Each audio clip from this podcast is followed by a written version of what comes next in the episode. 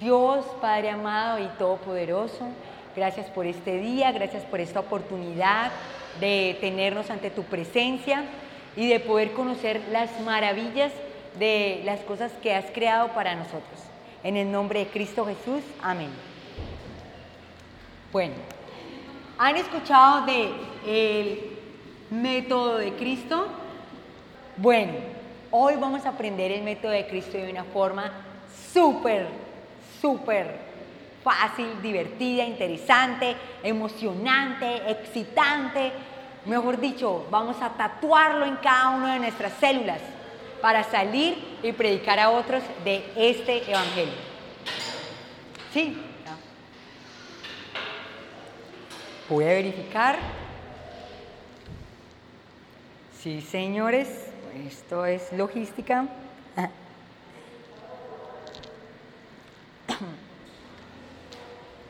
Bien, bueno, sigan con la emoción. Voy a leerles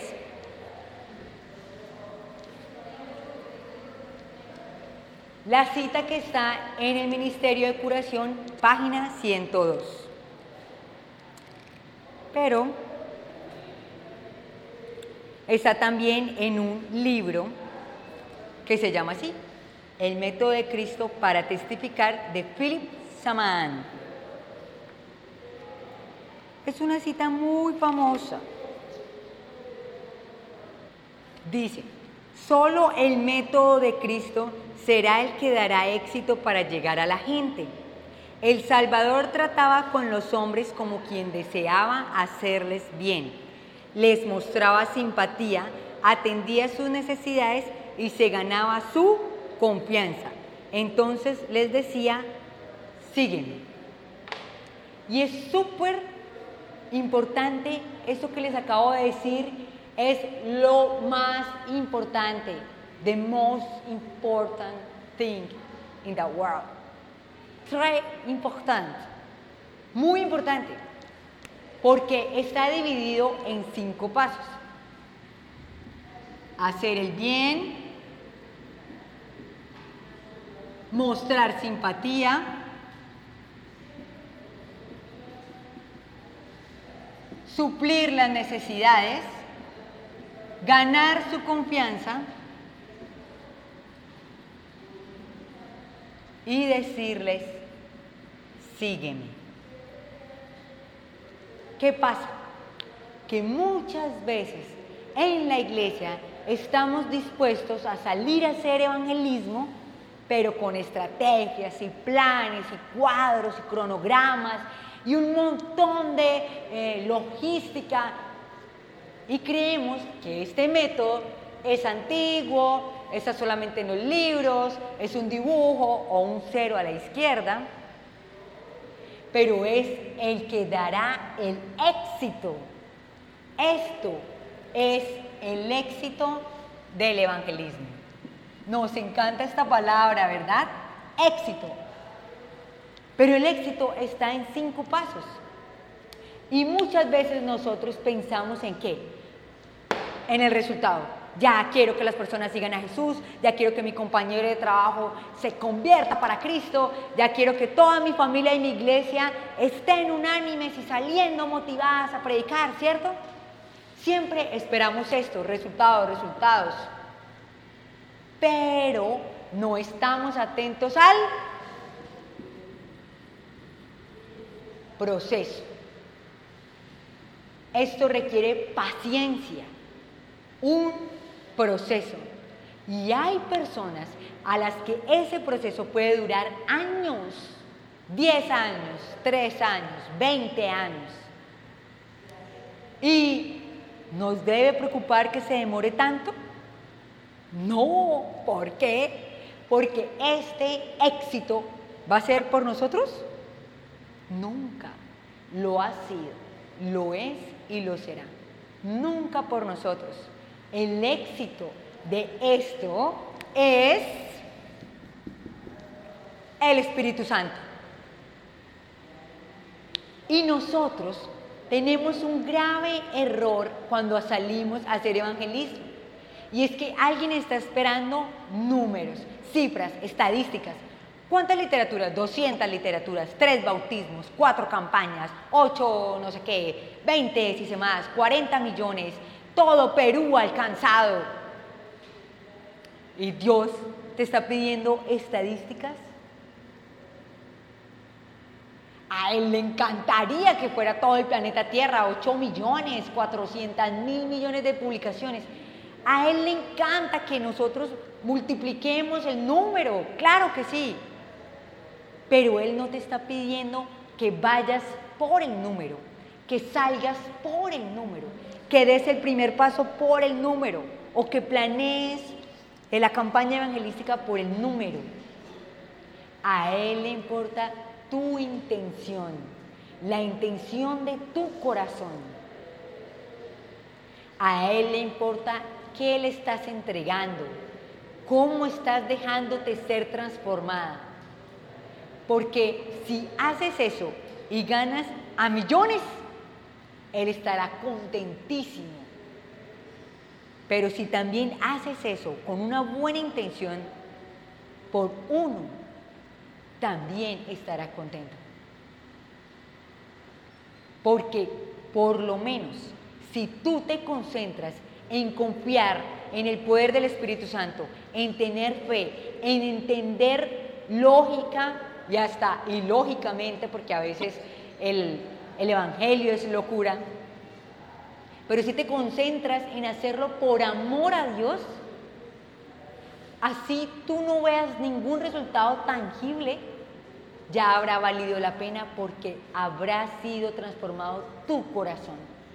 Y eso es lo que más le encanta a Dios. Por eso lo digo y lo repito en todos estos seminarios. La principal fuente de evangelismo está en el individuo, en cada uno de nosotros.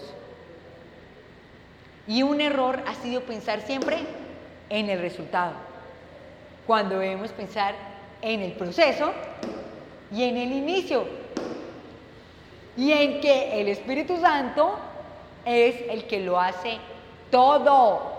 Everything. Everything. Y me encanta esto, me encanta. ¿Saben por qué me encanta? Porque me encanta hacer feliz a las personas. ¿A ustedes les encanta? ¿O les encanta que las hagan felices? Claro, nos encanta sonreír. ¿Quién no quiere ser feliz en esta vida?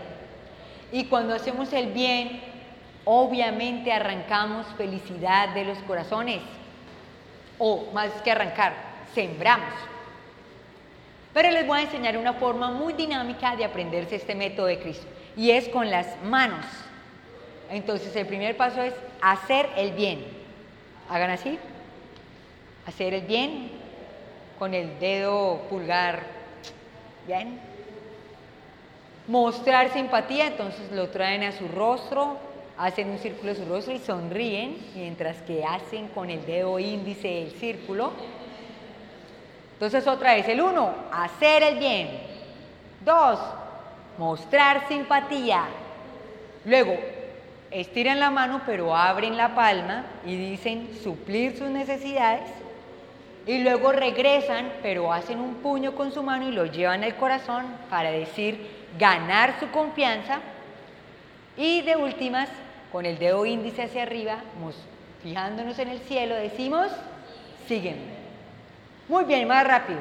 Hacer el bien, mostrar simpatía, suplir sus necesidades, ganar su confianza y decirle, sígueme. Muy bien, excelentes alumnos. Y enséñenselo a todos en sus iglesias locales, para que todos sepan cuál es el método que tiene el éxito asegurado. Y esto era lo que hacía Jesús. Ser el bien, mostrar simpatía, suplir sus necesidades, ganar su confianza y decirles, sígueme. Miren, cuando nosotros hablamos de hacer el bien, es hacer el bien en serio. Esta palabra de el bien es de mucho eh, cuidado, es de mucha intensidad. Vamos a leer Hechos 4:13. Exacto. Los discípulos eran reconocidos porque habían estado con Jesús con tan solo lo que hablaban. Y resulta que ellos eran eh, del populacho, pues, del vulgo, gente eh, sin letras, o como hoy podríamos decir, analfabetas. Pero la sola presencia de Jesús en sus vidas los había hecho cambiar. Y solo estando junto a Él todo el tiempo, eran personas diferentes y la gente lo notaba. Y eso es un principio que debemos tener en nuestras vidas. Todos los días andar con Jesús, tener una Biblia de bolsillo y cargarla en nuestra maleta siempre. Hacer el bien. ¿Saben yo qué he hecho de mi maleta? Mi maleta es una maleta grande. Ustedes nunca van a ver a Adriana León con una maleta pequeña. O eso es raro. Pero uno siempre carga granola, cinta, papel, tijeras, colbón, esperos de todos los colores, cargo stickers y todo tiene un propósito. La granola es porque alguien siempre tiene hambre. Cuando, porque yo vivo en Bogotá y uno pues sale de su casa en la mañana y no vuelve sino hasta en la noche. O si uno sale a hacer una diligencia dura como tres o cuatro horas por fuera de casa. Y alguien siempre tiene hambre. Pero para eso está super cristianos, adventistas, evangelistas, siempre con algo a la mano. Si tienes hambre, tengo granola, algo saludable, algo rico, algo para ayudar a alguien. Tengo toda una miscelánea, o sea, tijeras, colbones, pero porque alguien siempre quiere escribir. Pero de pronto hay alguien que le gusta escribir con colores. Y yo tengo todos los colores, porque quiero prestarlos, porque no me importa que me boten o me pierdan los colores. Porque sí, voy a tener que volver a comprar, pero voy a suplir la necesidad. Voy a tener stickers, porque nunca sabemos el día en que nos encontremos con un niño en el bus o en la iglesia o en el camino, un niño que llore, que esté triste, y tú con un sticker puedes hacer lo que quieras con un niño. Inténtenlo. Entonces, hacemos felices a los niños o la madre que está en la iglesia estresada porque el niño está llorando, nosotros le vamos a ayudar a hacer feliz a su niño, ella va a estar más tranquila, va a poner más atención al sermón y el niño va a estar concentrado en su sticker. Yo cargo papel higiénico, toallas, crema, toallas higiénicas, porque no sabemos a quién podamos ayudar. Aún si uno no tiene eh, la necesidad de tenerlas, las carga para ayudar. Alguien necesita sonarse, alguien necesita ir al baño. Ahí estamos nosotros. Ah, ¿Qué más cargo? Realmente cargo que, eh, no sé cómo lo llaman acá, enchufes o cargadores de celular, porque alguien quiere cargar su celular. Cargo de todo. Cargo una, un par de USBs una para mí, una para los demás, para que ellos guarden lo que necesiten. Y cargo literatura, porque tú en todo momento debes estar esparciendo el Evangelio. Y cargo muchas de esas hojas pequeñas que se llaman hojas de otoño o glows, con todos los temas. El tema tierno, el tema fuerte, apocalipsis, infierno, o el amor de Dios o un regalo para ti, cargo como 100. Y yo siempre cargo mochilas grandes, porque nosotros somos misioneros 24, 24, 365 días del año, o 66 si el año es bisiesto, todo el tiempo. Mis camisetas deportivas, las del domingo, eh, les ponemos un versículo para que si salimos a trotar, el que va detrás mío va leyendo el versículo y dice, pronto vendrá. Hebreos 10:37, no tardará. ¿sí? Todo el tiempo, todo debe hablar de que Cristo viene pronto y eres un misionero. Y todo el tiempo hay que estar pensando, ¿qué le puede pasar al otro que yo le pueda ayudar? Hay que cargar una Biblia pequeña en el maletín, porque a veces necesitamos directo, a la yugular, el mensaje de la palabra de Dios. Como a veces solamente, pues, nuestros consejos, nuestras palabras, Dios nos ilumina y nos dice en qué momento actuar. Pero todo lo que me visto, lo que me hablo, en mi casa tengo muchos pocillos, porque me encanta invitar a la gente a mi casa y que vengan a jugar, a hablar. Tengo muchas colchonetas, muchas cobijas, porque quiero que mi casa sea un lugar a donde la gente le agrade ir, le agrade estar. Tengo muchos libros, porque el que lee, en, en la lectura está el poder. Dios fue muy inteligente al dejar un libro y no dejar, no sé, un dibujo o una señal de pistas. Porque cada vez que nosotros leemos, más de 200 habilidades se reproducen en nuestro cerebro. Por eso lo he hecho de leer. Entonces siempre cargo en mi maleta un libro. Para que si me cogen una fila muy larga o en el bus, siempre esté leyendo, leyendo, leyendo. Porque todo esto me está acercando más a Dios y todas estas cosas nos ayudan a estar motivados a hacer el bien. Imagínense yo saliendo con mi maleta y viendo a las personas necesitadas y diciendo, no, no, no, no, no, no quiero. Ah, te voy a ignorar y con la maleta más pesada del mundo. No, yo lo que quiero es sacar de mi maleta el libro, la granola, la literatura, el jabón, el champú, regalar y hacer el bien todo el tiempo, cargar con moneditas. A veces nos dicen, no, pero es que el que está en la calle eh, es para las drogas, es para hacer el mal. Pero eso no depende de ti, que él haga el mal o no. Lo que pasa es lo que tú estás dándole. Pues si no quieres darle plata, pues carga comida. Entonces cargamos esos paqueticos chiquitos y yo no les regalo plata, sino les regalo cositos de bolsitas llenas de comida, de habas, de maní, de eh, frutos secos, vida saludable, vegetarianos. O sea, todo el tiempo tú estás haciendo el bien, siguiendo la norma y estás contento porque cuando llegas a la casa o cuando llegas a la escuela sabática y te preguntan, ¿cuántos contactos? ¿Cuántas ayudas misioneras? Y no te caben en las manos de los dedos. A todo el tiempo hay que estar pensando en hacer el bien en hacer el bien, en estar el sábado en la puerta de la iglesia con una sonrisa, porque las personas a veces vienen tristes. Hola, ¿cómo estás, hermanita?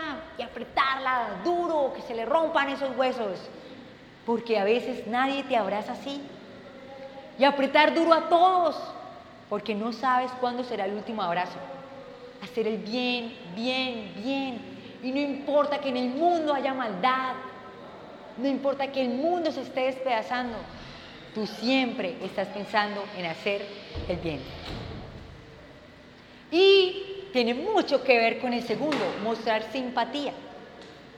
Y eso tiene que ver mucho con el poder de la escucha, escuchar a las personas. Y eso tiene que ver mucho con ponerte en el lugar de la otra persona. Realmente, como que te niegas a ti mismo y te pones en el lugar de la otra persona, con todo el esfuerzo que implique hacerlo. A veces entre el mismo sexo será más fácil, pero si te está pidiendo el consejo una persona del otro sexo, de igual manera, despójate de ti mismo, de, de lo que piensas, de tus paradigmas y métete en su situación. Puede ser la situación más Ah, no sé, sencilla o boba o sin sentido para ti. Olvídate que no tiene sentido. Piensa como esa persona. Y empieza a vivir como si fueras esa persona la situación que te está contando. Y así le vas a mostrar simpatía. Y por eso las personas van a, van a enamorarse realmente de, de ti. Y tú no, tú no lo haces porque quieras que todos se enamoren de ti. Lo haces y te nacerá hacerlo si lo que quieres es que esa persona llegue a Jesús. Y por eso ellos se atraen y creen que están atraídos por, por Dana o por Adriana o por Nancy. Y en realidad están atraídas por Jesús. Porque Jesús es el motor que nos mueve a llenar esa maleta de cosas. Él es el que me da las ideas. Oye, ahora métele uvas pasas. Ya no habas, ya pasó la temporada de habas. Creo que hay que hacer uvas pasas. Esas cosas no vienen por uno. Y cuando les mostramos simpatía, la gente siente amor y el amor lo cura todo. Cada átomo que hay en nuestro cuerpo, cada célula, nuestra huella digital, cada suspiro en nuestras vidas tiene amor. Y eso debemos respirar. Amor, felicidad, ánimo, entusiasmo, simpatía, esperanza, fe. Eso es mostrar simpatía. Aún tú triste, pero tú triste puedes mostrar simpatía porque Jesús es quien la muestra. Y cuando decimos suplir sus necesidades, no es como, ay, no tienes trabajo, ay, voy a orar por ti. Ay, te rompió tu novio. Ay, voy a orar por ti. Es hacer. Y eso lo vimos el primer día, en el primer seminario. Hacer. Un verdadero discípulo de Cristo hace, actúa. No tienes trabajo, ven, pásame tu hoja de vida, ven, voy a, por lo menos, no te podré dar trabajo porque no soy dueña de una empresa, pero ven, revisémosla, qué, qué ortografía tan mala tienes, no, pues no vas a encontrar nunca trabajo. Eh, no sé, algo, eh, ya ya tienes cuántas páginas web has publicado tu hoja de vida. ¿Siete? No, hay como 15, ven, metámosla. ¿No sabes internet? Vamos a internet, yo te pago el internet. Metamos tu hoja de vida. Y orar, eso siempre, siempre, siempre funciona. Pero Jesús, cuando suplía las necesidades, las atacaba directamente. Hambre, sed, salud, al ciego da vista, al paralítico lo hace caminar. Pero, ¿qué era lo que le importaba a Dios, a Jesús? ¿Que el paralítico caminara? Dios lo que hacía en cada milagro era llevarlos a una transformación del carácter. Porque cada milagro de sanidad que Él hacía suplía la necesidad y le ayudaba a transformar su carácter y su vida, su corazón. Él iba directo al corazón. Pero sabía que no podía hablarle de un evangelio si en realidad no le estaba ayudando con sus necesidades básicas. ¿Qué estamos haciendo nosotros para aprender y capacitarnos para suplir las necesidades de las otras personas? ¿Sabemos primeros auxilios? Por ejemplo, sabemos cocinar porque con la sola alimentación podemos curar todas las enfermedades que quisiéramos, con cocinar y con tener fe. Sabemos, estamos aprendiendo remedios naturales, ¿para qué sirve, no sé, el camu camu? Aprendí acá en Perú esa fruta. ¿Qué estamos haciendo? Porque la profesión o lo que estamos estudiando, yo por ejemplo soy ingeniera química, ¿cómo la ingeniería química puede suplir la necesidad de alguien? Ah, no, pues con los procesos que hago, haciendo limpio más el ambiente, etcétera, etcétera, etcétera. Tú como administradora de empresas, tú como médico, tú como taxista, tú como hijo de ocho años, tú como un niño, ¿Qué estás pensando y viendo más allá? ¿Hasta dónde vas a llevar lo que tú quieres ser más allá para suplir la necesidad de alguien? ¿Qué estás leyendo para suplir la necesidad de alguien? Hay tantas cosas que podemos aprender, pero queriendo ayudar al otro. Si realmente tengo muchas amigas que terminan con el novio, pues me voy a leer por ellas lo que ellas no quieren leer y les voy a salir a decir cómo tienen que tener sus relaciones sentimentales. Si soy un maestro, ¿cómo puedo ayudar para suplir la necesidad de que un niño aprenda más rápido o mejor? Realmente es sintiendo la necesidad del otro en sus zapatos. Y finalmente, cuando suplimos su necesidad, es inevitable que ganemos su confianza. Miren, no podemos llegar a decirles el primer día de totazo, sígueme. La gente no se despierta todos los días diciendo, hey, hoy quiero que me cambien de religión. Hoy, apenas me vengan a hablar de la Biblia, la cual nunca he leído, los voy a escuchar. No, la gente se levanta diciendo, estoy estresada por mi trabajo, tengo muchas deudas. Eso es lo que la gente se despierta. Ah, no sé qué voy a hacer, no tengo trabajo. Y nosotros cuando suplimos sus necesidades, ganamos su confianza. Y la confianza es ganar su amistad. A veces decimos, ay, le estoy dando estudios bíblicos a una persona, pero no se bautizó. Lo perdí todo, no hice nada. Pero terminaste siendo amiga de ella. Sí, somos mejores amigas. Ganaste todo, ganaste todo, ganaste su confianza. Por eso nosotros debemos estar todos los días capacitándonos en ser personas amables, cordiales, sinceras, rompiendo un poquito la timidez, aprendiendo a cortar el hielo, porque eso es capacitarnos para el método de Cristo. Incluso deberíamos esforzarnos más aprendiendo a hacer amigos que como ingeniera química. Porque haciendo amigos, realmente me estoy capacitando como misionero. ¿Qué estrategia puedo hacer? ¿Qué puedo decir? ¿Qué puedo pensar? Eh, ¿Cómo entender a la gente? ¿Cómo aceptar a la gente? ¿Cómo puedo aprender a ser una persona más tolerante? ¿Cómo puedo graduar mi tono de voz? Esas son cosas valiosísimas valiosísimas. ¿Cómo puedo aprender a decirle a las personas lo lindo que tienen? ¿Cómo expresarles mi cariño? ¿Cómo valorarlas? ¿Cómo aprender a decirle a otra persona sus errores con amor? Y eso, eso no te lo da ninguna universidad, solo te lo da la palabra de Dios. Y es la mejor lección porque lleva almas para Cristo.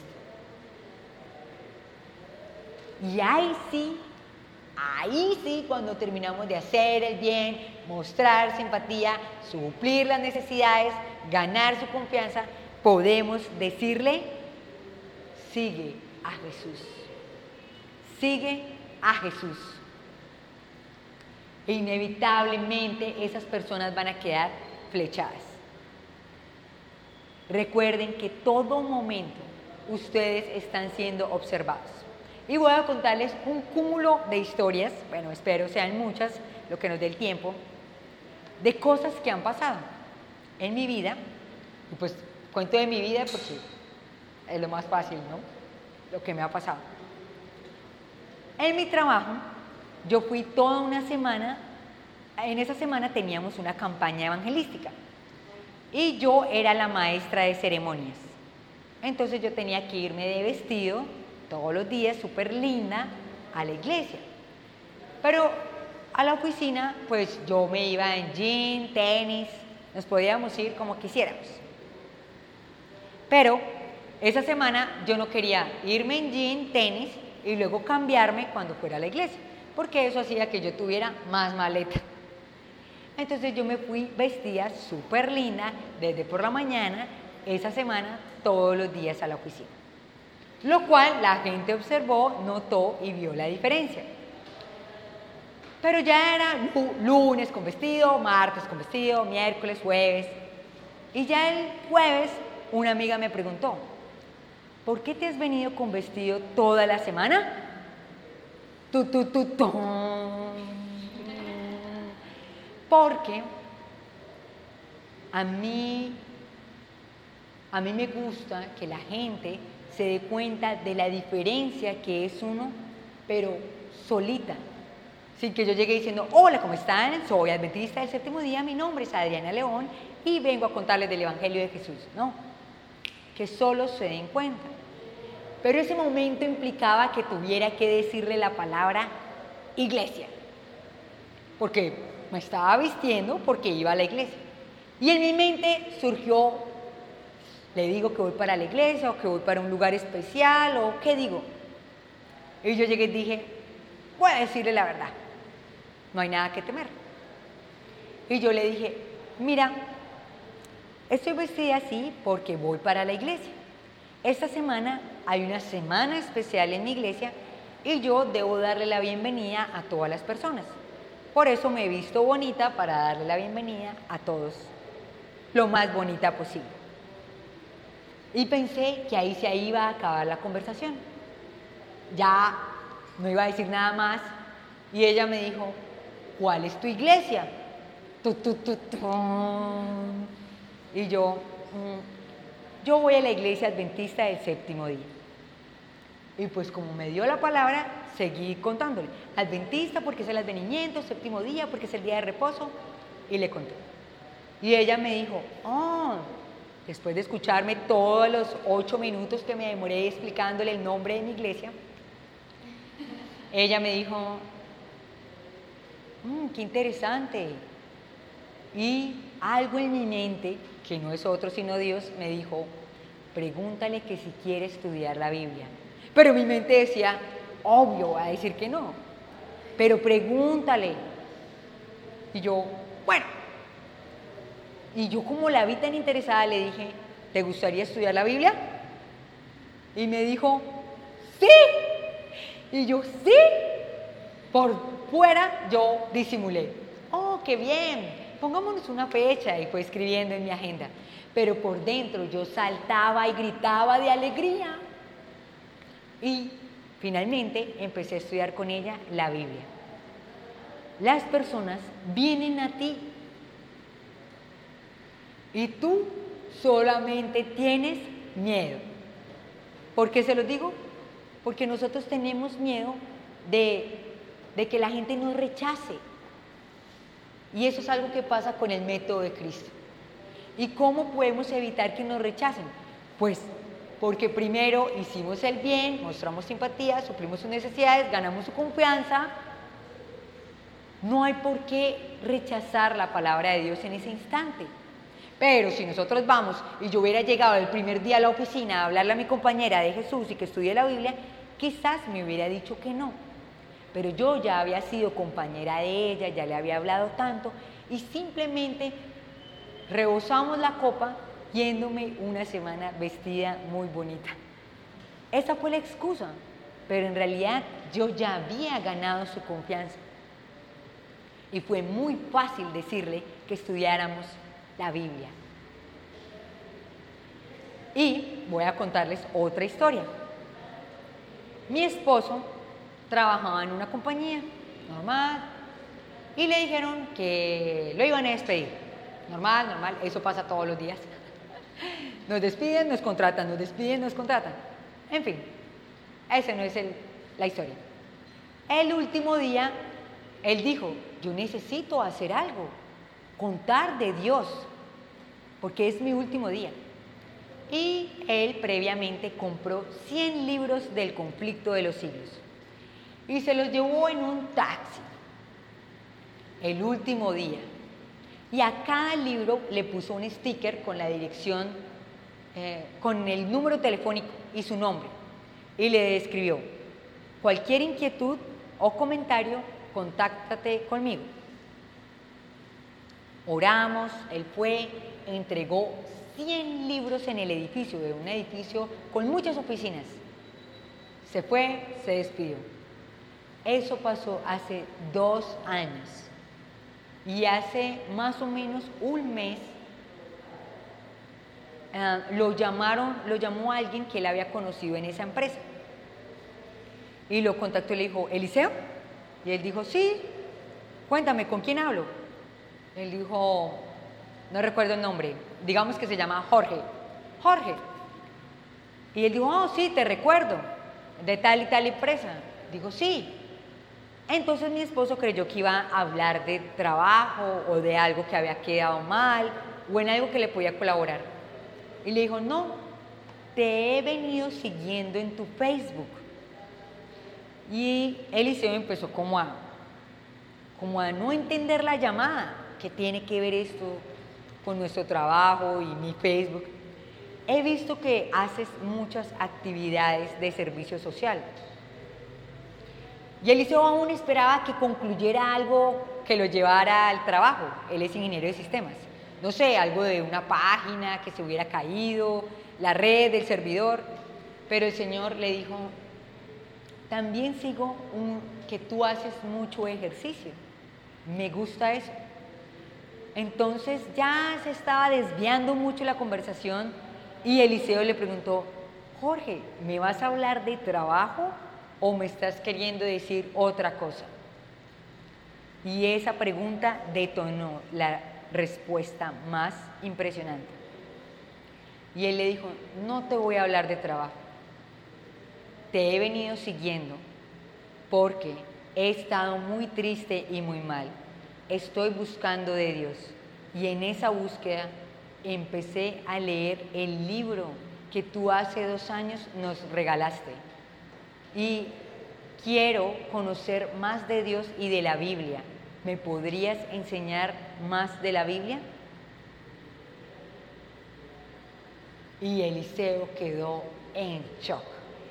Tomó su número de teléfono, tomó todos sus datos, etcétera. Pues nos tuvimos que venir a Perú, pero él le dijo, cuando regrese a Colombia, voy a estudiar la Biblia contigo. Pero la semilla había sido esparcida dos años antes, con un libro, queriendo hacer el bien a las personas, dándoles verdad presente y no esperando que al otro día llegaran mil personas ya. No, es que nosotros tenemos que confiar en el Espíritu Santo en el Espíritu Santo.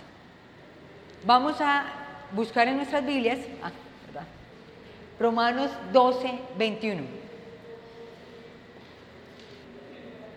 Ah, vení, me gustaría leerlo este. Dice, no seas vencido de lo malo, sino vence con el bien el mal. Y es un versículo muy importante en nuestras vidas, porque fíjense lo que dice antes. El amor sea sin fingimiento, versículo 9, 12, 9. Aborreced lo malo y seguid lo bueno. Amaos los unos a los otros con amor fraternal. En cuanto a honra, prefiriéndonos los unos a los otros. En lo que requiere diligencia, no perezosos, fervientes en espíritu, sirviendo al Señor, gozosos en la esperanza, sufridos en la tribulación, constantes en la oración. Compartid las necesidades de los santos y practicad la hospitalidad. Bendecid a los que os persiguen, bendecid y no maldigáis. Gozaos con los que se gozan, llorad con los que lloran. Unánimes entre vosotros, no seáis altivos, sino asociados con los humildes. No seáis sabios en vuestra propia opinión. No paguéis a nadie mal por mal. Procurad lo bueno delante de todos los hombres. Si es posible, en cuanto dependa de vosotros, estad en paz con todos los hombres. No os venguéis vosotros mismos, amadlos, amados míos, sino dejad lugar a la ira de Dios, porque escrito está, mía es la venganza, yo pagaré, dice el Señor. Así que si tu enemigo tiene hambre, dale de comer. Si tiene sed, dale de beber. Pues haciendo esto, harás que le arda la cara de vergüenza. Cuando nosotros hacemos el bien, hasta a los enemigos les duele. Porque esperan que nosotros respondamos con la misma moneda, pero no somos como ellos. No somos ni debemos serlo. Y este es el método de Cristo, ese versículo en Romanos es el método de Cristo. No ser como los hombres, sino todo lo contrario, mostrar siempre simpatía, siempre ganas de hacer el bien, siempre suplir las necesidades, aun si nosotros tenemos las mismas que ellos, y ganar su confianza. Porque no queremos fans, no queremos un amigo más, un amigo más en Facebook, no queremos eso. Queremos es que ellos conozcan de Dios y a Cristo. Y por eso dice y termina ahí, no seáis vencido por el mal, vence el mal con el bien. Nosotros hacemos parte de un conflicto entre Cristo y Satanás. Todos los días somos protagonistas de ese conflicto. Protagonistas, no espectadores. Y es nuestro llamado y al mismo tiempo nuestra esperanza responder a Él con el amor de Dios. Así que, queridos amigos de GYC, nuestra meta y nuestro propósito es salir de este Congreso imbuidos, llenos del amor de Dios, de su Espíritu Santo, de dones y talentos, de influencia, de dominio propio y de negarnos al yo. Todo esto es negar el yo. Ya no vivo yo, Cristo vive en mí. Cuando nos negamos a nosotros mismos, vamos a ser capaces de hacer cada uno de estos pasos. Para finalizar, vamos a volver a hacer la mímica del el método de Cristo para que nunca se nos olvide, pero entonces lo voy a borrar del tablero y vamos a repetirlo todos.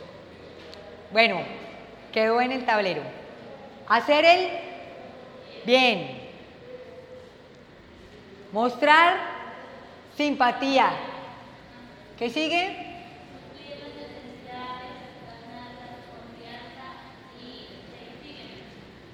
Muy bien. Nunca más se les olvide esto. Jamás.